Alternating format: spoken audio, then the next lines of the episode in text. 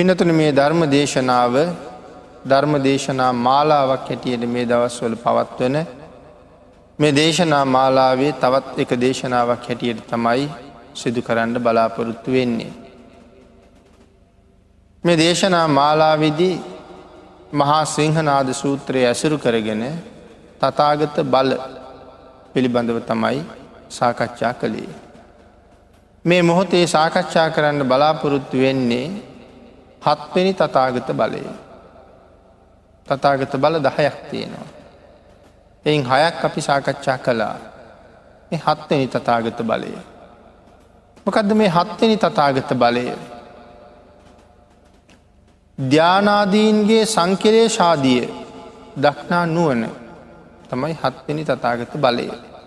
එකාරණාව සෙහිපත් කළා පුනචපරං සාරිපුත්ත තතාගතු ජාන විමෝක්ක. සමාධි සමාපත්තිය නං සංකිලේසං වෝදානං වුට්ටානං යථභූතං පජානාති. බුදුරජාණන් වහන්සේ ප්‍රථම ධ්‍යානාදී ධ්‍යානන්ගේද රූපී රූපානි පස්සති යනාදීන් දේශිත අෂ්ට විමෝක්ෂයන්ගේද? සවිතර්ක සවිචාර සමාධයාදී තෙවදෑරුම් සමාධීන්ගේද ප්‍රථම ධ්‍යාන සමාපත්‍යාදී නවවදෑරුම් සමාපත්තීන්ගේද සංකිලේශ වෝදාන වුත්හාන දන්නා නුවන තතාගත බලය බව එයින් දැක්වේ. එකාරණාව පින්නතුනි සිහිපත් කරනවා මේ ධ්‍යාන සහ අෂ්ට විමෝක්ෂ කියලා තැන් අටක් පැහැදිලි කරලා තියෙනවා. ධ්‍යාන සහ අෂ්ට විමෝක්ෂ කියල තැන් අටක් පැහැදිලි කරනවා මේ කාරණාවිදි. සමාධි සහ සමාපත්ති පිළිබඳව සංකිලේසං වෝදානං බුට්ටානං. කද මේ සංකලේසං කියල කියන්නේ. සමාධිය කිලිටුවීම සංකිලේ සංකයල කියන්නේ සමාධිය කිලිටුවීම.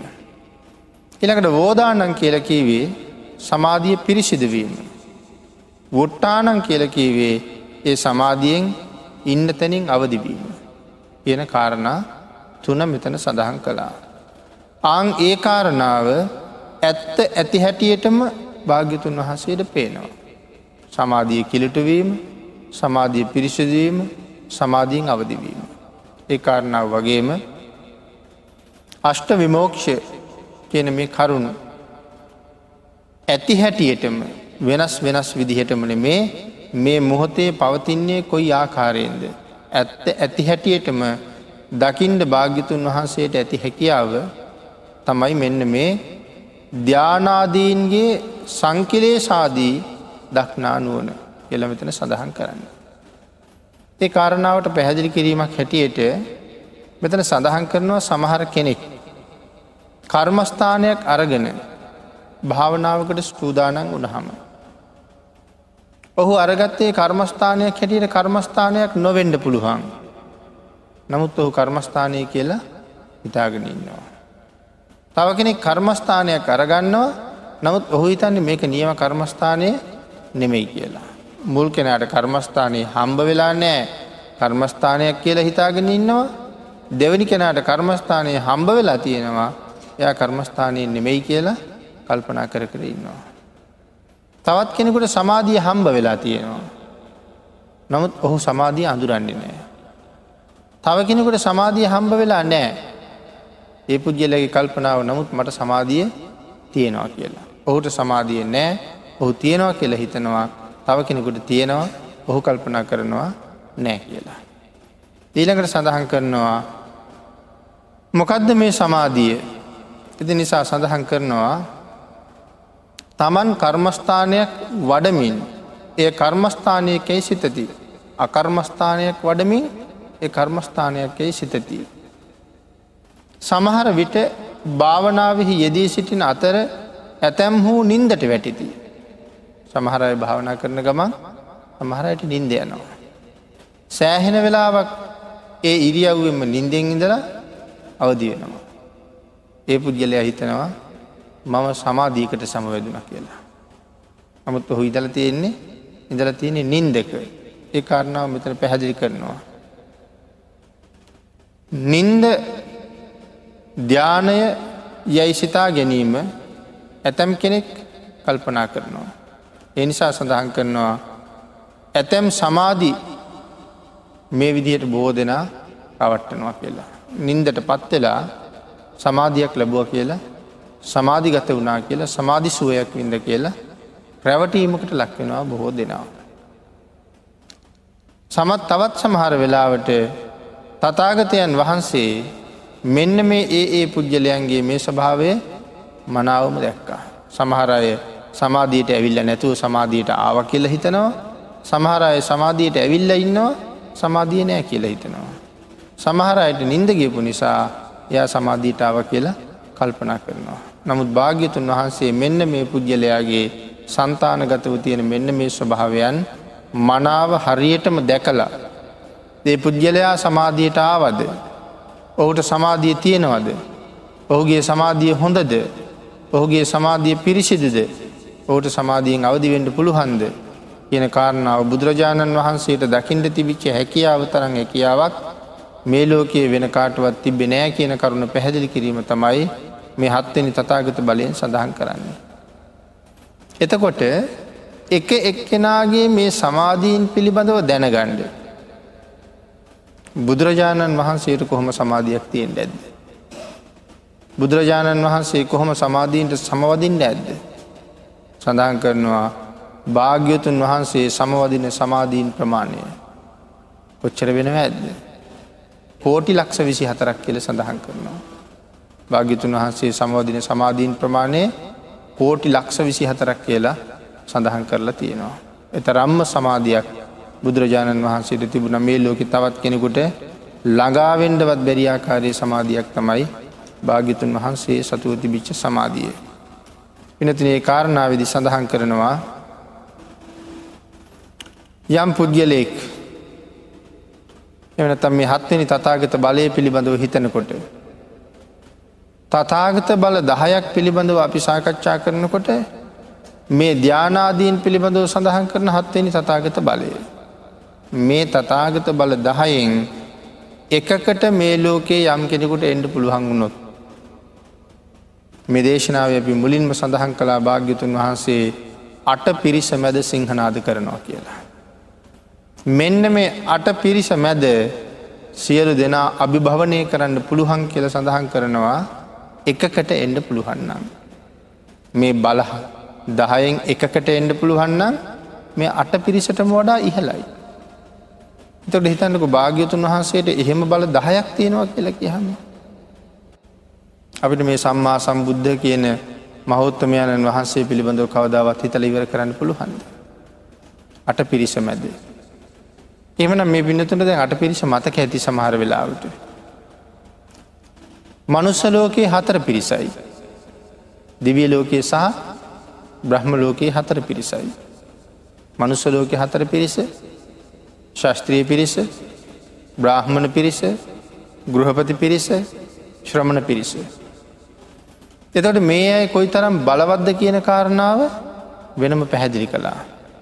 ශස්ත්‍රියවරු කියල කැන රජවරුන්ට එදා රජවරු කොච්චර බලවද්ද. රජ්ජුරුව කියල කියන්නේ රටේ අයිතිකාරයා. රටේ අයිතිකාරයක් කියල කියන්නේ එතට අපි ඇරලද අපෙත් අයිතිකාරයා. ඒ නිසා රජ්ජුරුවන්ට ඕන දෙයක් කරන්න පුළුවන්. විරුද්ධව නැගී හිටින්න පුළුවන් අය ඉන්නවද නෑ පාලකයන්ට විරුද්ධ වෙන්ඩ පුළුවන් අය ඉන්නවා. නියෝජිතයන්ට විරුද්ධ වෙන්ඩ පුළුවන් එවනට අයිතිකාරයට විරුද්ධ වෙන්න අයිතිකාරයට විරුද්ධ වෙන්න බෑ. එනම් රජු කියන්නේ රටේ අයිතිකාරයා. අතිශයින්ම සාහසිකයි. රජ්ජිර මුණගහෙන්ට යන කෙනගේ අත කපල ගෙදර යවුවොත් රජුට විරුද්ධ උද්ඝෝෂණ කරන්න කවරුවත් ලෝකේ නෑ අත කැපිච්ච බව බාරගෙන තමම්ම පාඩුවයි වේදනාවයි විඳගන්න එකයි තියෙන්නේ. ශස්ත්‍රිය පිරිස කියල කියන්න එහෙම පිරිසා. නමුත් බුදුරජාණන් වහන්සේ මේ ශස්ත්‍රීය පිරිසට වඩා ඉහලින් වැඩඉන්න. බ්‍රාහ්මණ පිරිස බ්‍රාහ්මණ පිරිස කියල කියන්නේ සියලුම ශිල්ප ඥානයන්ගෙන් පොහොසත් අය. අහවල්දේ බෑ කියල දෙයක් අහවල්දී බෑ කියල දෙයක් නෑ. අද හැටියට සඳහන් කළොත් විද්‍යාඥයෙක් වගේ. හැබැයි අතීතයේ බ්‍රාහ්මණයකුට තිබිච්ච අවබෝධයෙන් එක අවබෝධයක් තිබුණනං අද කෙනෙකුට එයා මේ පිළිබඳව සකල විද්‍යාවන් පිළිබඳව අවබෝධිල් ලැබවා හා සමාන වෙනවා. ඒ තරම් පුදුම දැනුමක්. අද විද්‍යාඥෝ කියලෙකිවට එක එක දේවල්වලට එක එක විද්‍යාඥෝ ඉන්නවන්නේ. තාරකා විද්‍යාඥෝ කිය හම තාරකා පිළිබඳව විතරයි. භූවිද්‍යාඥෝ කියල කිය හම මහපොළු පිළිබඳ විතරයි. මේවාගේ එක එක විද්‍යාඥෝ ඉන්නේ. නමුත් අතීතයේ එක බ්‍රාහ්මණයෙක් එක බ්‍රාහ්මණයෙක් ගත් හම එයා මේ සියලුම දේවල් පිළිබඳව දැනුම තිබුණා. බැදකං කරන්න ගියහම් කාට හරි වෛද්‍ය කර්මයක් කරන්න ගියොත් සර්වාංගටම වෙදකං කරන්න දන්නවා. අද පිහෙමයි දකිනවා හුඟ හුඟ අඩුයි. වෛද්‍යවරයෙක් ළඟට ගියත් ඇස්වලට ප්‍රතිකාර කරන්න එක් කෙනෙක් ඉන්නවා උගුරට කණට නාසයට ප්‍රතිකාර කරන තව කෙනෙක් ඉන්නවා ශරීරයේ බාහිර රෝගෝලට ප්‍රතිකාර කරන තව පිරිසක් ඉන්නවා හර්ද රෝග පිළිබඳව තව පිරිසක් එන මේ ශරීරයේ එක එක අංග පිළිබඳව කටයුතු කරන්න එක එක වෛද්‍යවරු වගේ. නමුත් එදා කාලයේ බ්‍රහ්මණය කියලකිවි ඒ බ්‍රහ්මණයකුට එහෙම බේදයක් නෑ. එයා අවශ්‍ය කුමයිටද සකලාංගේට මෙදකම් කරනවා. පුදුමාකාර දැනුමක් කියල සඳහන් කළේ ඒකයි අන්න ඒ දැනමුත්තන්ට වඩා භාගිතුන් වහස බොහොම බොහොම යලයි. ගෘහපති පිරිස කියල කියන කෝටි ගණන් ධනය තියෙන අය කෝටි ගණන් කියල කියන්නේ සීමාවක් නෑ ඒ දනස්කන්දේ. සඳහන් කරන ඇතැම් සිටුවරුගාවට රජ්ජුරුව කෝටියක් විතර ජනගහනය අරගෙන ගියාම මාස ගානක් කණ්ඩ දෙනවා කියලා. කෝටි ගානකට මාස ගානක් කණ්ඩ දෙනවා කියලා. ඒවාගේ ධනපතියෝ. අමිල වස්තුවක් මිල කරන්න බැරි සීමාව හොයන්ට බැරි වස්තුවක් ඒ ගොල්ලු සතුව තිබුණේ. නමුත් බුදුරජාණන් වහන්සේ එවන් ධනපතින්ට වඩා බොහොම ඉහලයි. එළඟට ශ්‍රමණ පිරිස කවද මේ ශ්‍රමණ පිරිස කියල කියන්නේ. ඒත් පුදුම දැනුමක් තිබිච්ච වෙනත් පුදුම ආධ්‍යාත්මික බලයක් තිබිච්චාය. බොහෝ අය පංච අභිග්ඥා අෂ්ට සමාපත්ති උපදවාගෙන හිටපු අය. අහසින් යනවා පොළොව යටින් යනවා පරුවත මැද්දෙන් යනවා මේවාගේ පුදුම හැකියාවල් තිබිච්ච මේ ශ්‍රමණ පිරිස. මෙන්න මේ පිරිස තමයි මනුස්සලෝකයේ හතර පිරිස බුදුරජාණන් වහන්සේ ඒ හතර පිරිස පොළොව කරලා ඒ මත හිටගෙනයි ඉන්නේ. එතකට දෙවිය ලෝකයේ සහ බ්‍රහ්ම ලෝකයේ හතර පිරිස දෙවිය ලෝකෙ පළවෙනි පිරිස චාතුම් මහාරාජික පිරිස. එසේ මෙසේ බලයක් තියෙන ඇද මේ චාතුම් මහාරාජික දෙවිවරු කියල කියන්නේ. ඇත්තක අපි සතරවරන් දෙවියෝ කියල කියන්නේ. කොයි තරම් බලයක් තියෙන අයිද. එක රජ කෙනෙක් යටතේ පාලනය වෙන යටත් වැසියෝ ප්‍රමාණය සඳහන් කරනවා කෝටි ලක්ෂයක් කියලා. මේ හතර දෙනකින් එක්කෙනෙක් යටති පාලනය වෙනවා කෝටි ලක්ෂයක්. දවට හතර දෙනා යටති පාලනය වෙනවා කෝටි ලක්ෂ හතරක්. එතකොට මේ අය මෙච්චර පිරිසක් පාලනය කරන්න කොයි තරම් ප්‍රබල වෙන්ඩුව නැද. තාම ප්‍රබලයි. දැනුම් දැනුමේ සීමාවක් නෑ. දහම් දැනුම ඒ සීමාවකුත් නෑ. පිරිත් පොතේ තියෙනවා ආටානාටිය කියල සූත්‍රය. හැමෝම හැමෝම දන්න ආටානාටිය. පිරිත් පොතේ අගහරියම තියෙන්නේ. මේ ආටානාටිය කෞුද දේශනා කළේ. පේ අහලති නො නේද. අටනාටී සූත්‍රයේ දේශනා කළේ කවුද කියලා. බුදුරජාණන් වහන්සේ ගිජිකුළු පවි වැඩ ඉන්න කාලේ මෙන්න මේ වෛශ්‍රවණ කියන දිව්‍යරාජයා තමයි මේ ආටානාටිය දේශනා කරන්න. එතකොට හිතන්න ලොවතුරා බුදුරජාණන් වහන්සේ ළඟ දේශනාවක් කරන්න එය කොච්චර පින්වන්තද කියලා. මේ දේශනාව බුදුරජාණන් වහස වෙනස් කෙරුවද නෑ. ඇලපිල්ලක්වත් වෙනස් කළේ නෑ. එහෙම්මම දිව්‍යරාජයා කියන දේශනාව භාගිතුන් වහන්සේ ශ්‍රවණය කරමින් වැඩ හිටිය උදෑශන භික්‍ෂූන් වහන්සේලාට ආමන්ත්‍රණය කරලා ඊ රාත්‍රයේ දිව්‍යරාජයා භාගිතුන් වහන්සේට දේශනා කරලා ගියපු සූත්‍රයේ භාගිතුන් වහන්සේ භික්‍ෂූන් වහන්සේලාට දේශනා කෙරුවා. එනිසා තමයි මේ ආටානාටී සූත්‍රයට බනවර දෙකක් කියන්නේ. දෙවියන් විසින් සඳහන් කරපු කොටසයි නැවත ඒ කොටසම භාගිතුන් වහන්සේ භික්‍ෂූන් වහසලට දේශනා කරපු කොටසයි. කොටස් දෙකක් බවට පත්වෙනවා. එතකොට මේ දිවිය පුත්‍රයා මේ තරම් ප්‍රබලයි. එක්කෙනෙක් නෙමේ මේ හතර දෙනාම හතර දෙනාම එහෙමයි. ඊළකට සඳහන් කරනවා තෞත්සිසා වැසි පිරිස කියලා. කවුද මේ තෞතිසා වැසි පිරිස තවතින්සේ. ශක්‍ර දේවේන්ද්‍රයන් වහන්සේ වැඩඉන්න දිවිය ලෝකයේ. සක් දෙවිදු සමඟ ටිස් දෙකක් දෙවියෝන් මෙහෙ වැඩඉන්නවා. ඒත් පුදුම ප්‍රතාපයි. රජවරුණ ඔක්කොම තිස්තුන් දෙනාම රජවරු. එතකොට රජවරු යටතේ පාලනය වෙන පිරිස කොච්චර ඇද්ද. සක්‍ර දේවේන්ද්‍රයන් වහන්සේට විතරක් පරිවාර දිව්‍යංගනාව කෝටි දෙක හමාරක් ඉන්නවා කියල සඳහන් වෙනවා. එතකොට අනිත් දෙවියවරුන්ටත් යටත් පිරිසින් කෝටි දෙක දෙකවත් හිටියනම්. තිස්තුන් දෙනෙකුට එහෙම හිටියාව මොඩ තරම් ප්‍රමාණයක් තවතිසා වැසි දෙවියෝම වෙනවද. ආං ඒ දෙවියන්ට වඩා භාගිතුන් වහන්සේ ඉහෙලින් ඉහලින් වැඩඉන්නවයි සියලුම දෙවිවරු බුදුරජාණන් වහන්සේට යටත්. ඊළඟට මාර පිරිස පරනිම්මිත වසවර්තය ජීවත්වෙන අය හයවෙනි දිවිය ලෝකයේ. ඉතාම බල සම්පන්නයි. නමුත් භාගිතුන් වහන්සේට යටත්. හතරවෙනි පිරිස බ්‍රහ්ම පිරිස. බ්‍රහ්මලෝක කීයක් තියෙනවා දෙතකොට. බ්‍රහ්මලෝක දාසයයි. රූප සහිත බ්‍රහ්මලෝක දාසයයි. රූප රහිත බ්‍රහ්මලෝක හතරයි. ඔක්කොම් බ්‍රහ්මලෝක විස්සයි. මේ බ්‍රහ්මලෝක විස්සේ පල්ල හැම තලයේ ප්‍රථමධ්‍යාන තලයේ තියෙනවා බ්‍රහ්මලෝක තුනක්. ප්‍රථමධ්‍යාන තලයේ තියෙන බ්‍රහ්මලෝක තුනේ තමයි මෙ මේ මහා බ්‍රහ්මය කියන එක තියෙන්නේ. අපි කියන මහබඹු කියලා මහබඹු වැඩඉන්නේ හෙේ. මේ මහබඹුට කොයි තරම් බලයක් තියෙනවාද. සඳහන් කරනවා බලපරාක්‍රමය නං අසීමාන්තිකයි. සක්වලක් කියන ප්‍රමාණය අපේ යහල තියෙනවා. කොච්චරද්ද මේ සක්වලක් කියල කියන්නේ. සක්වලක් කියල කියන ලෝක තිස් එක. බ්‍රහ්ම ලෝක විස්සයි. දිවිය ලෝක හයයි. අපායවල් හතරයි මනුස්සලෝක එකයි. මේ තමයි සක්වල. එක ඉරයි පායන්නේ එක හඳයි පායන්න එක සක්වලකට. එහෙමන මෙතන සඳහන් කරනවා මේ එක බ්‍රහ්ම රාජයකුට තම මහා බ්‍රහ්ම කියන කෙනාට සක්කොලවල් කීයක් එලිය කරන්න පුළුවන් වෙයිද කියලා. එක සක්වලක් එලිය කරන්න පායන්නේ එක ඉරයි. සක්කොලවල් සීයක් විතර එලිය කරන්නනොත් ඉරවල් සීයක් පායන්ඩුවන.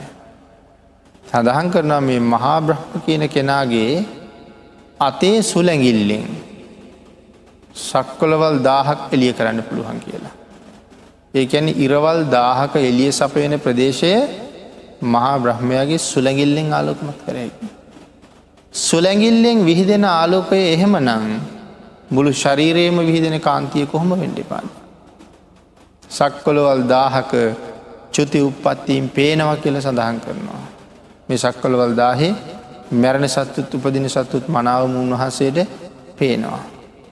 මේ ප්‍රථමධ්‍යාන තලයේ පල්ල හැමට මේ තියෙන බඹතලයක ඉන්න කෙනෙකුගේ ආශ්චර්ය. ඉති මේ තුන්ගනි බඹලවනං තවත් දාහතක් උඩට යනකොට ඉහල කට්ටියගේ තත්ත්වය කොහොම කොහොම ඇද්ද අන්න ඒ පිරිස බුදුරජාණන් වහස පාගලයින්නේ. මනුස්ස ලෝකයේ හතර පිරිසයි දිවිය ලෝකයේ සහ බ්‍රහ්ම ලෝකයේ හතර පිරිසයි පොළොව කරලා භාගිතුන් වහන්සේ ඒ මත හිටගෙන ඉන්නවා. අංකයි සඳහන් කළේ අට පිරිස මත උන්වහස හිටගත්ත කියලා. මනුස්ස ලෝක හතර පිරිසයි දිවිය ලෝක සහ බ්‍රහ්ම ලෝක හතර පිරිසයි. මේ හතරට වඩා උඩින් හිටගත්ත කියල සඳහන් කරන්නේ මේ අට දෙනාට ළඟාවෙන්ඩවත් බැරි තරම් ළඟාවෙන්ඩවත් බැරි තරම් පුදුමාකාර ඥාන ශක්තියක් භාගිතුන් වහන්සේ ළඟ තිබුණ නිසා. ආං ඒ ඥාන ශක්තියක් භාග්‍යතුන් වහන්සේට ඇති නිසා ඒ ඥාන ශක්තිය මෙන මේ දස බල දස බල හැටියට ගොන් කළා. දුමාකාර ඥාන ශක්තිය. කිසිම කෙනෙකුට ළඟාවෙන්ඩ බැරි ඥාන ශක්තිය. ඒ ශක්තියෙන් අවබෝධ කලාමුළු ලෝක ධාතුවම. සඳහන් කරනවා ඒ ලෝක ධාතුවම භාගිතුන් වහස අවබෝධ කළා. ඒ අවබෝධ කරගත්ත ප්‍රමාණය අපි දන්න කොච්චරද. අපි දන්න බොහෝම බොහෝම චුට්ටයි. අපි දන්න ටික කෙස් ගහකටත් වඩා චුට්ටයි. නමුත් බුදුරජාණන් වහන්සේ සියලු දෙනාම සහිතව අවබෝධ කළා. සියලු දේම සියලු දෙනාම සහිතව අවබෝධ කළා. ඒක මේ තතාගත බලවලම සාකච්ඡා කරලා තියෙනවා. අවබෝධ කරන්න බැරිවෙච්ච අවබෝධ නොකළ දෙයක් ඇත්තේම නෑ සමාධීන් කෝටි ලක්ෂ විසි හතරකට සමාධිනවා කියලකිවේ ඒකයි. කෝටි ලක්ෂ විසි හතරක් සමාධීන් කියල සඳහන් කරාම කරුණ හරියට අවබෝධ කරන්න කල්පනා කරන පුද්ගලයට නං එක හිතාගණ්ඩ හිතාගණ්ඩ බැරුව යන කොහොමද සමාධීන් කෝටි ලක්ෂ විසි අතරකට සමවදින්නේ කියන කාරණාවම පවා. ඒතුලිනුයි ලෝකය අවබෝධ කළේ මෙන්න මේ ලෝකයේ මෙන්න මේක මම දන්නේ නෑ කියල කියන්න දෙයක් බුදුරජාණන් වහන්සේට නෑ මේක නොදන්නවා කියන්න දෙයක් නෑ. සියලූම දේවල් දන්නවා.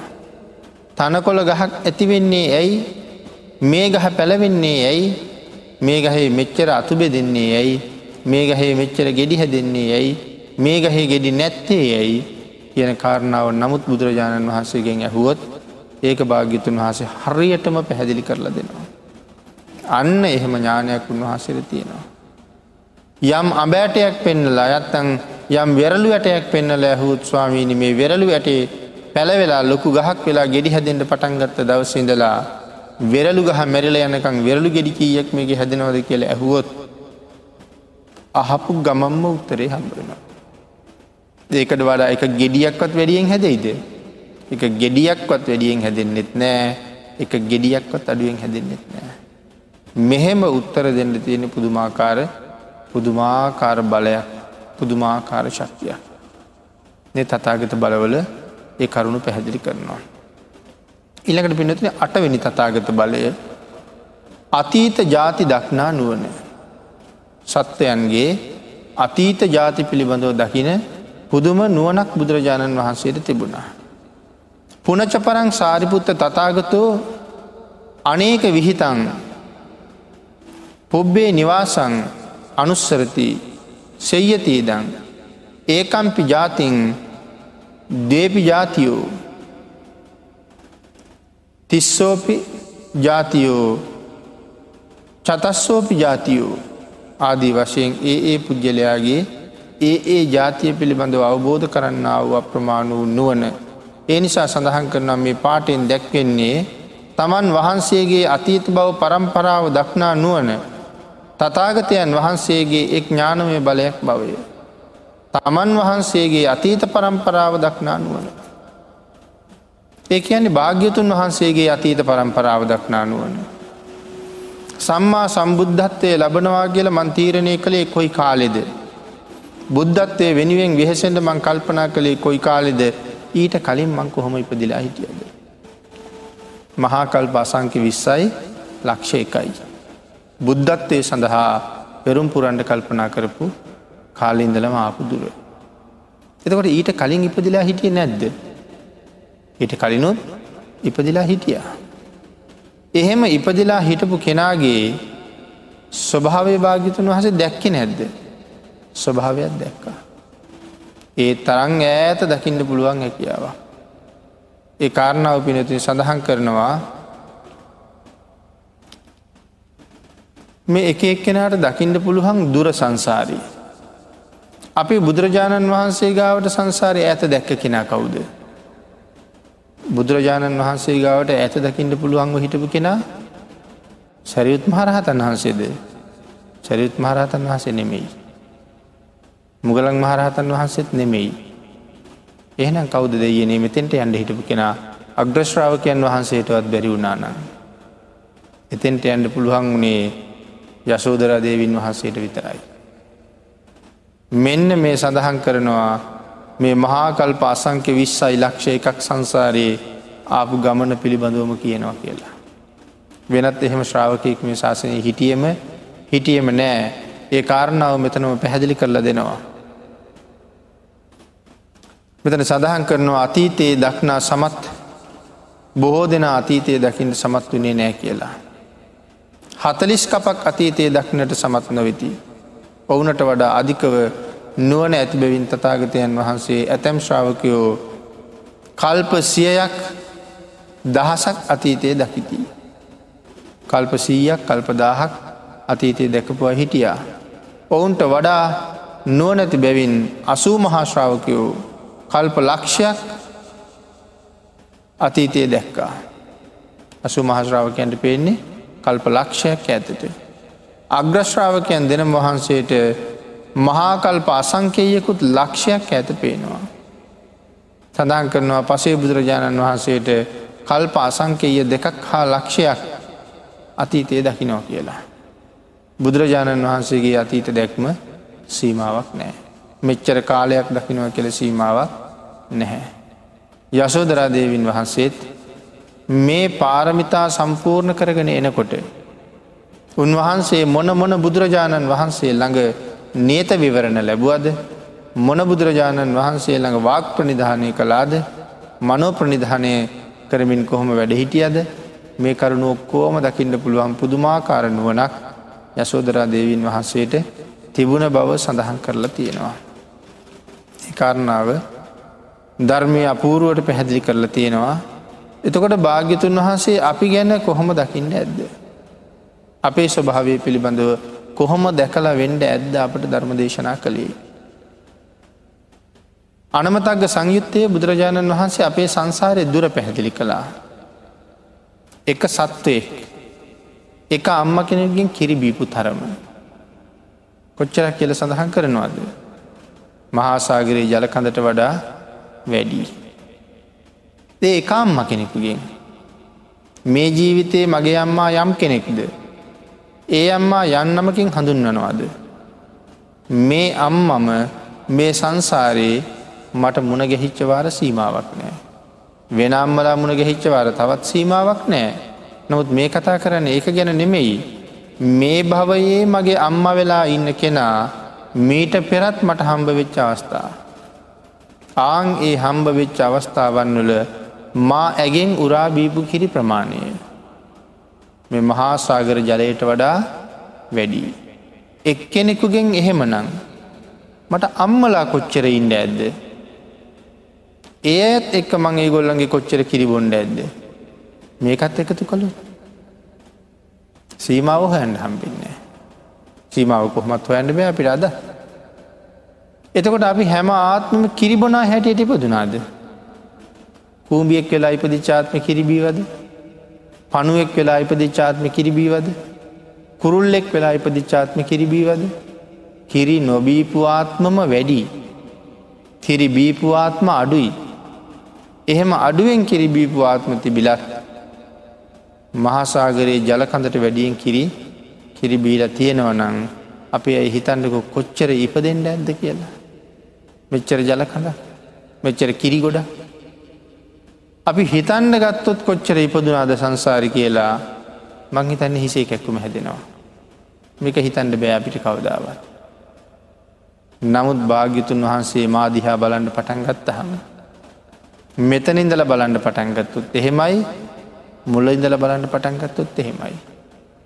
කවදා කවදා කොහේ කොහේ කොහොම කොහොම කොහොම ඉපදීපදී මොනාපායවල්වල දුක්විඳ විඳා මෙන ප්‍රේතලෝකෝල දුක්ක විඳින්දා මොන තිරිසන් ලෝකයේ දුක්විඳවිඳා මනුස්්‍ය සැප විඳවිඳා පැවිදි වෙච් ආත්මගාන මෙච්චරයි ආදී වශයෙන් දකිමින් දකිමින් ඒ පුද්ගලයාගේ සසර ගැන කියන්න පුදුමාකාර හැකියාවක් බුදුරජාණන් වහන්සේ ළඟ තිබුණා අන්න ඒකට තමයි මේ චුතිය උප්පත්ති දක්නා නුවනක් පිළිබඳව මෙතන සඳහන් කරලා තියෙන අතීත ජාති දක්නා නුවනක් පිළිබඳව. ඒ නිසා පිනතින එතන පැහැදිලි කරනවා මේ අතීත ජාති දක්නා නුවන පිළිබඳව පැහැදිලි කරන තව තැනක බුදුරජාණන් වහන්සේට මේ අතීත ජාතීන් පිළිබඳව දැක ගැනීමට තිබිච්ච හැකියාව ලෝතුරා බුදුන බුදුරජාණන් වහන්සේට මෙච්චර ප්‍රමාණයකින් ඒක සීමා සහිතයි කලන සඳහන් කරන්න සඳහන් කරන්න පුළුවන්කමක් නෑ. එතකොට මගේ විතරද මේ දැක්කේ නෑ. මේ ලෝක දහතුවේ කොච්චර සත්තු ඇද්ද. මිනිස්සු විතරක්ද නෑ. අනන්ත සක්වල අනන්ත ජීවීන්. අනන්ත සක්වල අනන්ත ජීවීන්. එ සියලම සත්තු ගැන කියනවා. භාගිතුන් වහන්සේ ළඟට කවරු හරි පනුවේ කරන් ගිහිල පෙන්නලා කියෙන ස්වාමීනී මෙයා ගැන තොරතුරු කියන්න කියලා. මේ ජීවිතය පනුවෙක් ගියාත්ම කවද ගියාත්ම කවද ඉස්සරලා ඉස්සරලා ඉස්සරලා ඉස්සල්ල කවුද කවුද කවුද කොහොමද කියන කරුණු මනාවම සඳහන් කරනවා. ඒ පනුවත් එක තවත් පනුවෙක් කරන්න යනවා. ස්වාමිනි මේ පනුවා කොහොමද මේ පනුවා කොහොමද මේ දෙන්නගේ ස්වභාවය වෙනමම වෙනමම හරියටම දේශනා කරනවා. අපි ඒ දෙන්නත් එක කූමියෙක් කරන්න යනවා.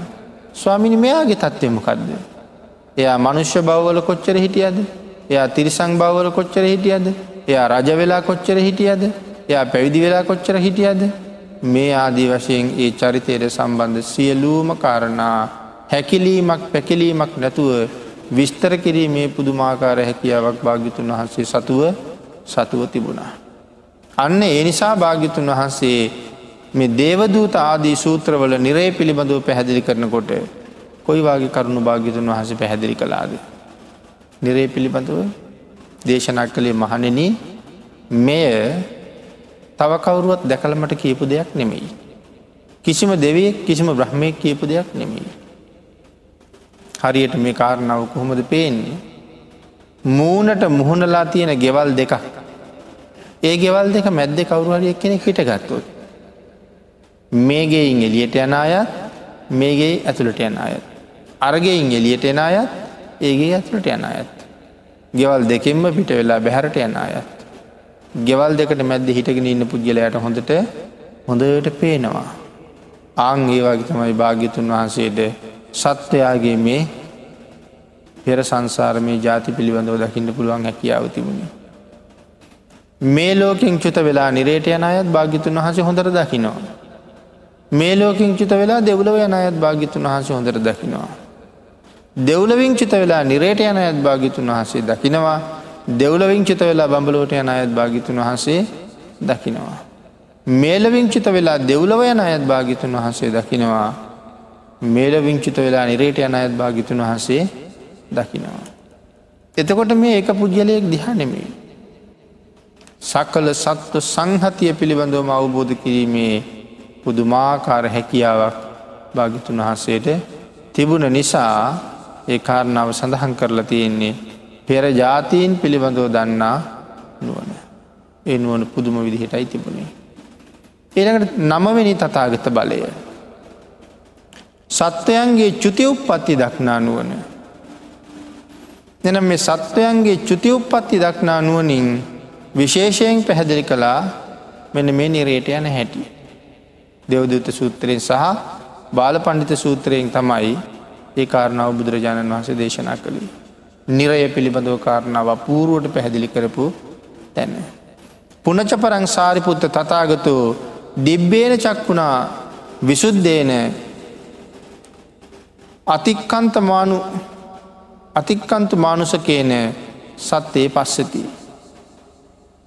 වත්තමානයේ උපපජ්‍යමානයේ හීනේ පනීතයේ සුවන්නේ දුබ්බන්නේ යථකම්මුපගේ සත්තේ පජානාති මේ අදි වශයෙන් ඒ කරුණු පැහැදිලි කරනවා ඒ ඒ භවයෙන් චුතව ඔවුන් කළ පින් පව් අනුව සත්වයන් සුගති දුර්ගති දෙකෙහි උපදිනා හැටිය තතාගතයන් වහන්සේ දක්නාහ. ඒ ඒ භවයෙන් චුත වෙලා සුගති දුර්ගතිවල උපදින උපදිනාය. එකයි සඳහන් කළේ මෙලවින් පිට වෙලා දෙව්ලව යන අයත් පේනවා දෙව්ලවින් පිට වෙලා නිරේට යන අයත් පේනවා. මෙලවින් පිට වෙලා නිරේට යන අයත් පේනවා මෙලවින් පිට වෙලා ප්‍රේතලෝකට යන අයත් පේනවා. ඕනෑම පුද්ගලයෙක් දිහා බලලා මේ පුද්ගලයා මේ භවයෙන් පසු අහවල් තැනයි උපදින්නේ. කියන කාරණාව දේශනා කිරීමේ පුදුමාකාර හැකියාවක්. ඒ කාරණාව දැකලා නිරයට යන්ඩ ඉන්න අය නිරයෙන් නිදහස් කරන්න භාග්‍යතුන් වහන්සේට බොහෝ අවස්ථාවල් තිබුණා. බොහෝ දෙනා නිරයෙන් බොහෝ දෙනා නිරයෙන් නිදහස් කරගත්තා. එක සම්මා සම්බුදුන්ට විතරක් කරන්න පුළුවන් පුදුම හැකියාව. මේ දේශනාව පුරාම සඳහන් කලා රහතන් වහන්සේලාටත් යම් ආකාරයකින් ඒ හැකියාව තිබුණා නමුත් භාගිතුන් වහන්සේට තරන් තිබුණේ භාගිතුන් වහන්සේට තරන් තිබුණේ නෑ. ජම් ප්‍රමාණයකට පමණක් රහතන් වහන්සේලාට තිබුණා. අන්න ඒ නිසා භාග්‍යතුන් වහන්සේට මේ ඇති හැකියාව රහතන් වහන්සේට වඩා ඉතාම ඉහළ නිසා තෙසැත්තෑ ඥාන පිළිබඳව විස්තර කරනකොට ෂඩ් අසාධහරණ ඥාන කියලා ඥාන හයක් පිළිබඳව සඳහන් කරනවා. එතකොට මොනවද ඒ අසාධහරණ ඥාන ශ්‍රාවකයන්ට නැති බුදුරජාණන් වහන්සේට විතරක් ඇති ඥාන සමුදායක් තමයි ඒ අසාධහරණ ඥාන. එහෙම ඥාන හයක් තියෙනවා. ඒ ඥානයෙන් දකින හැටි වෙන කාටවත් දකිින්ට වෙන කාටවත් දකිින්ට බැරි නිසා එහෙම සඳහන් කරලා තියෙනවා. දෙන චුති උප්පත්ති කොහෙද උපදින්නේ කියන කාරණාව මනාව දැක්කා.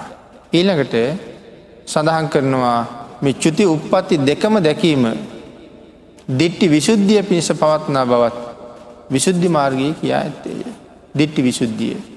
චුති උප්පත්ති දෙකම හරියටම දකින එක සහ පැහැදිලිව පිරිසිදුව අවබෝධ කරලා මරණින් මත්තේ මොහු මෙතන මයි කියන කාරණාව සඳහන් කරනවා.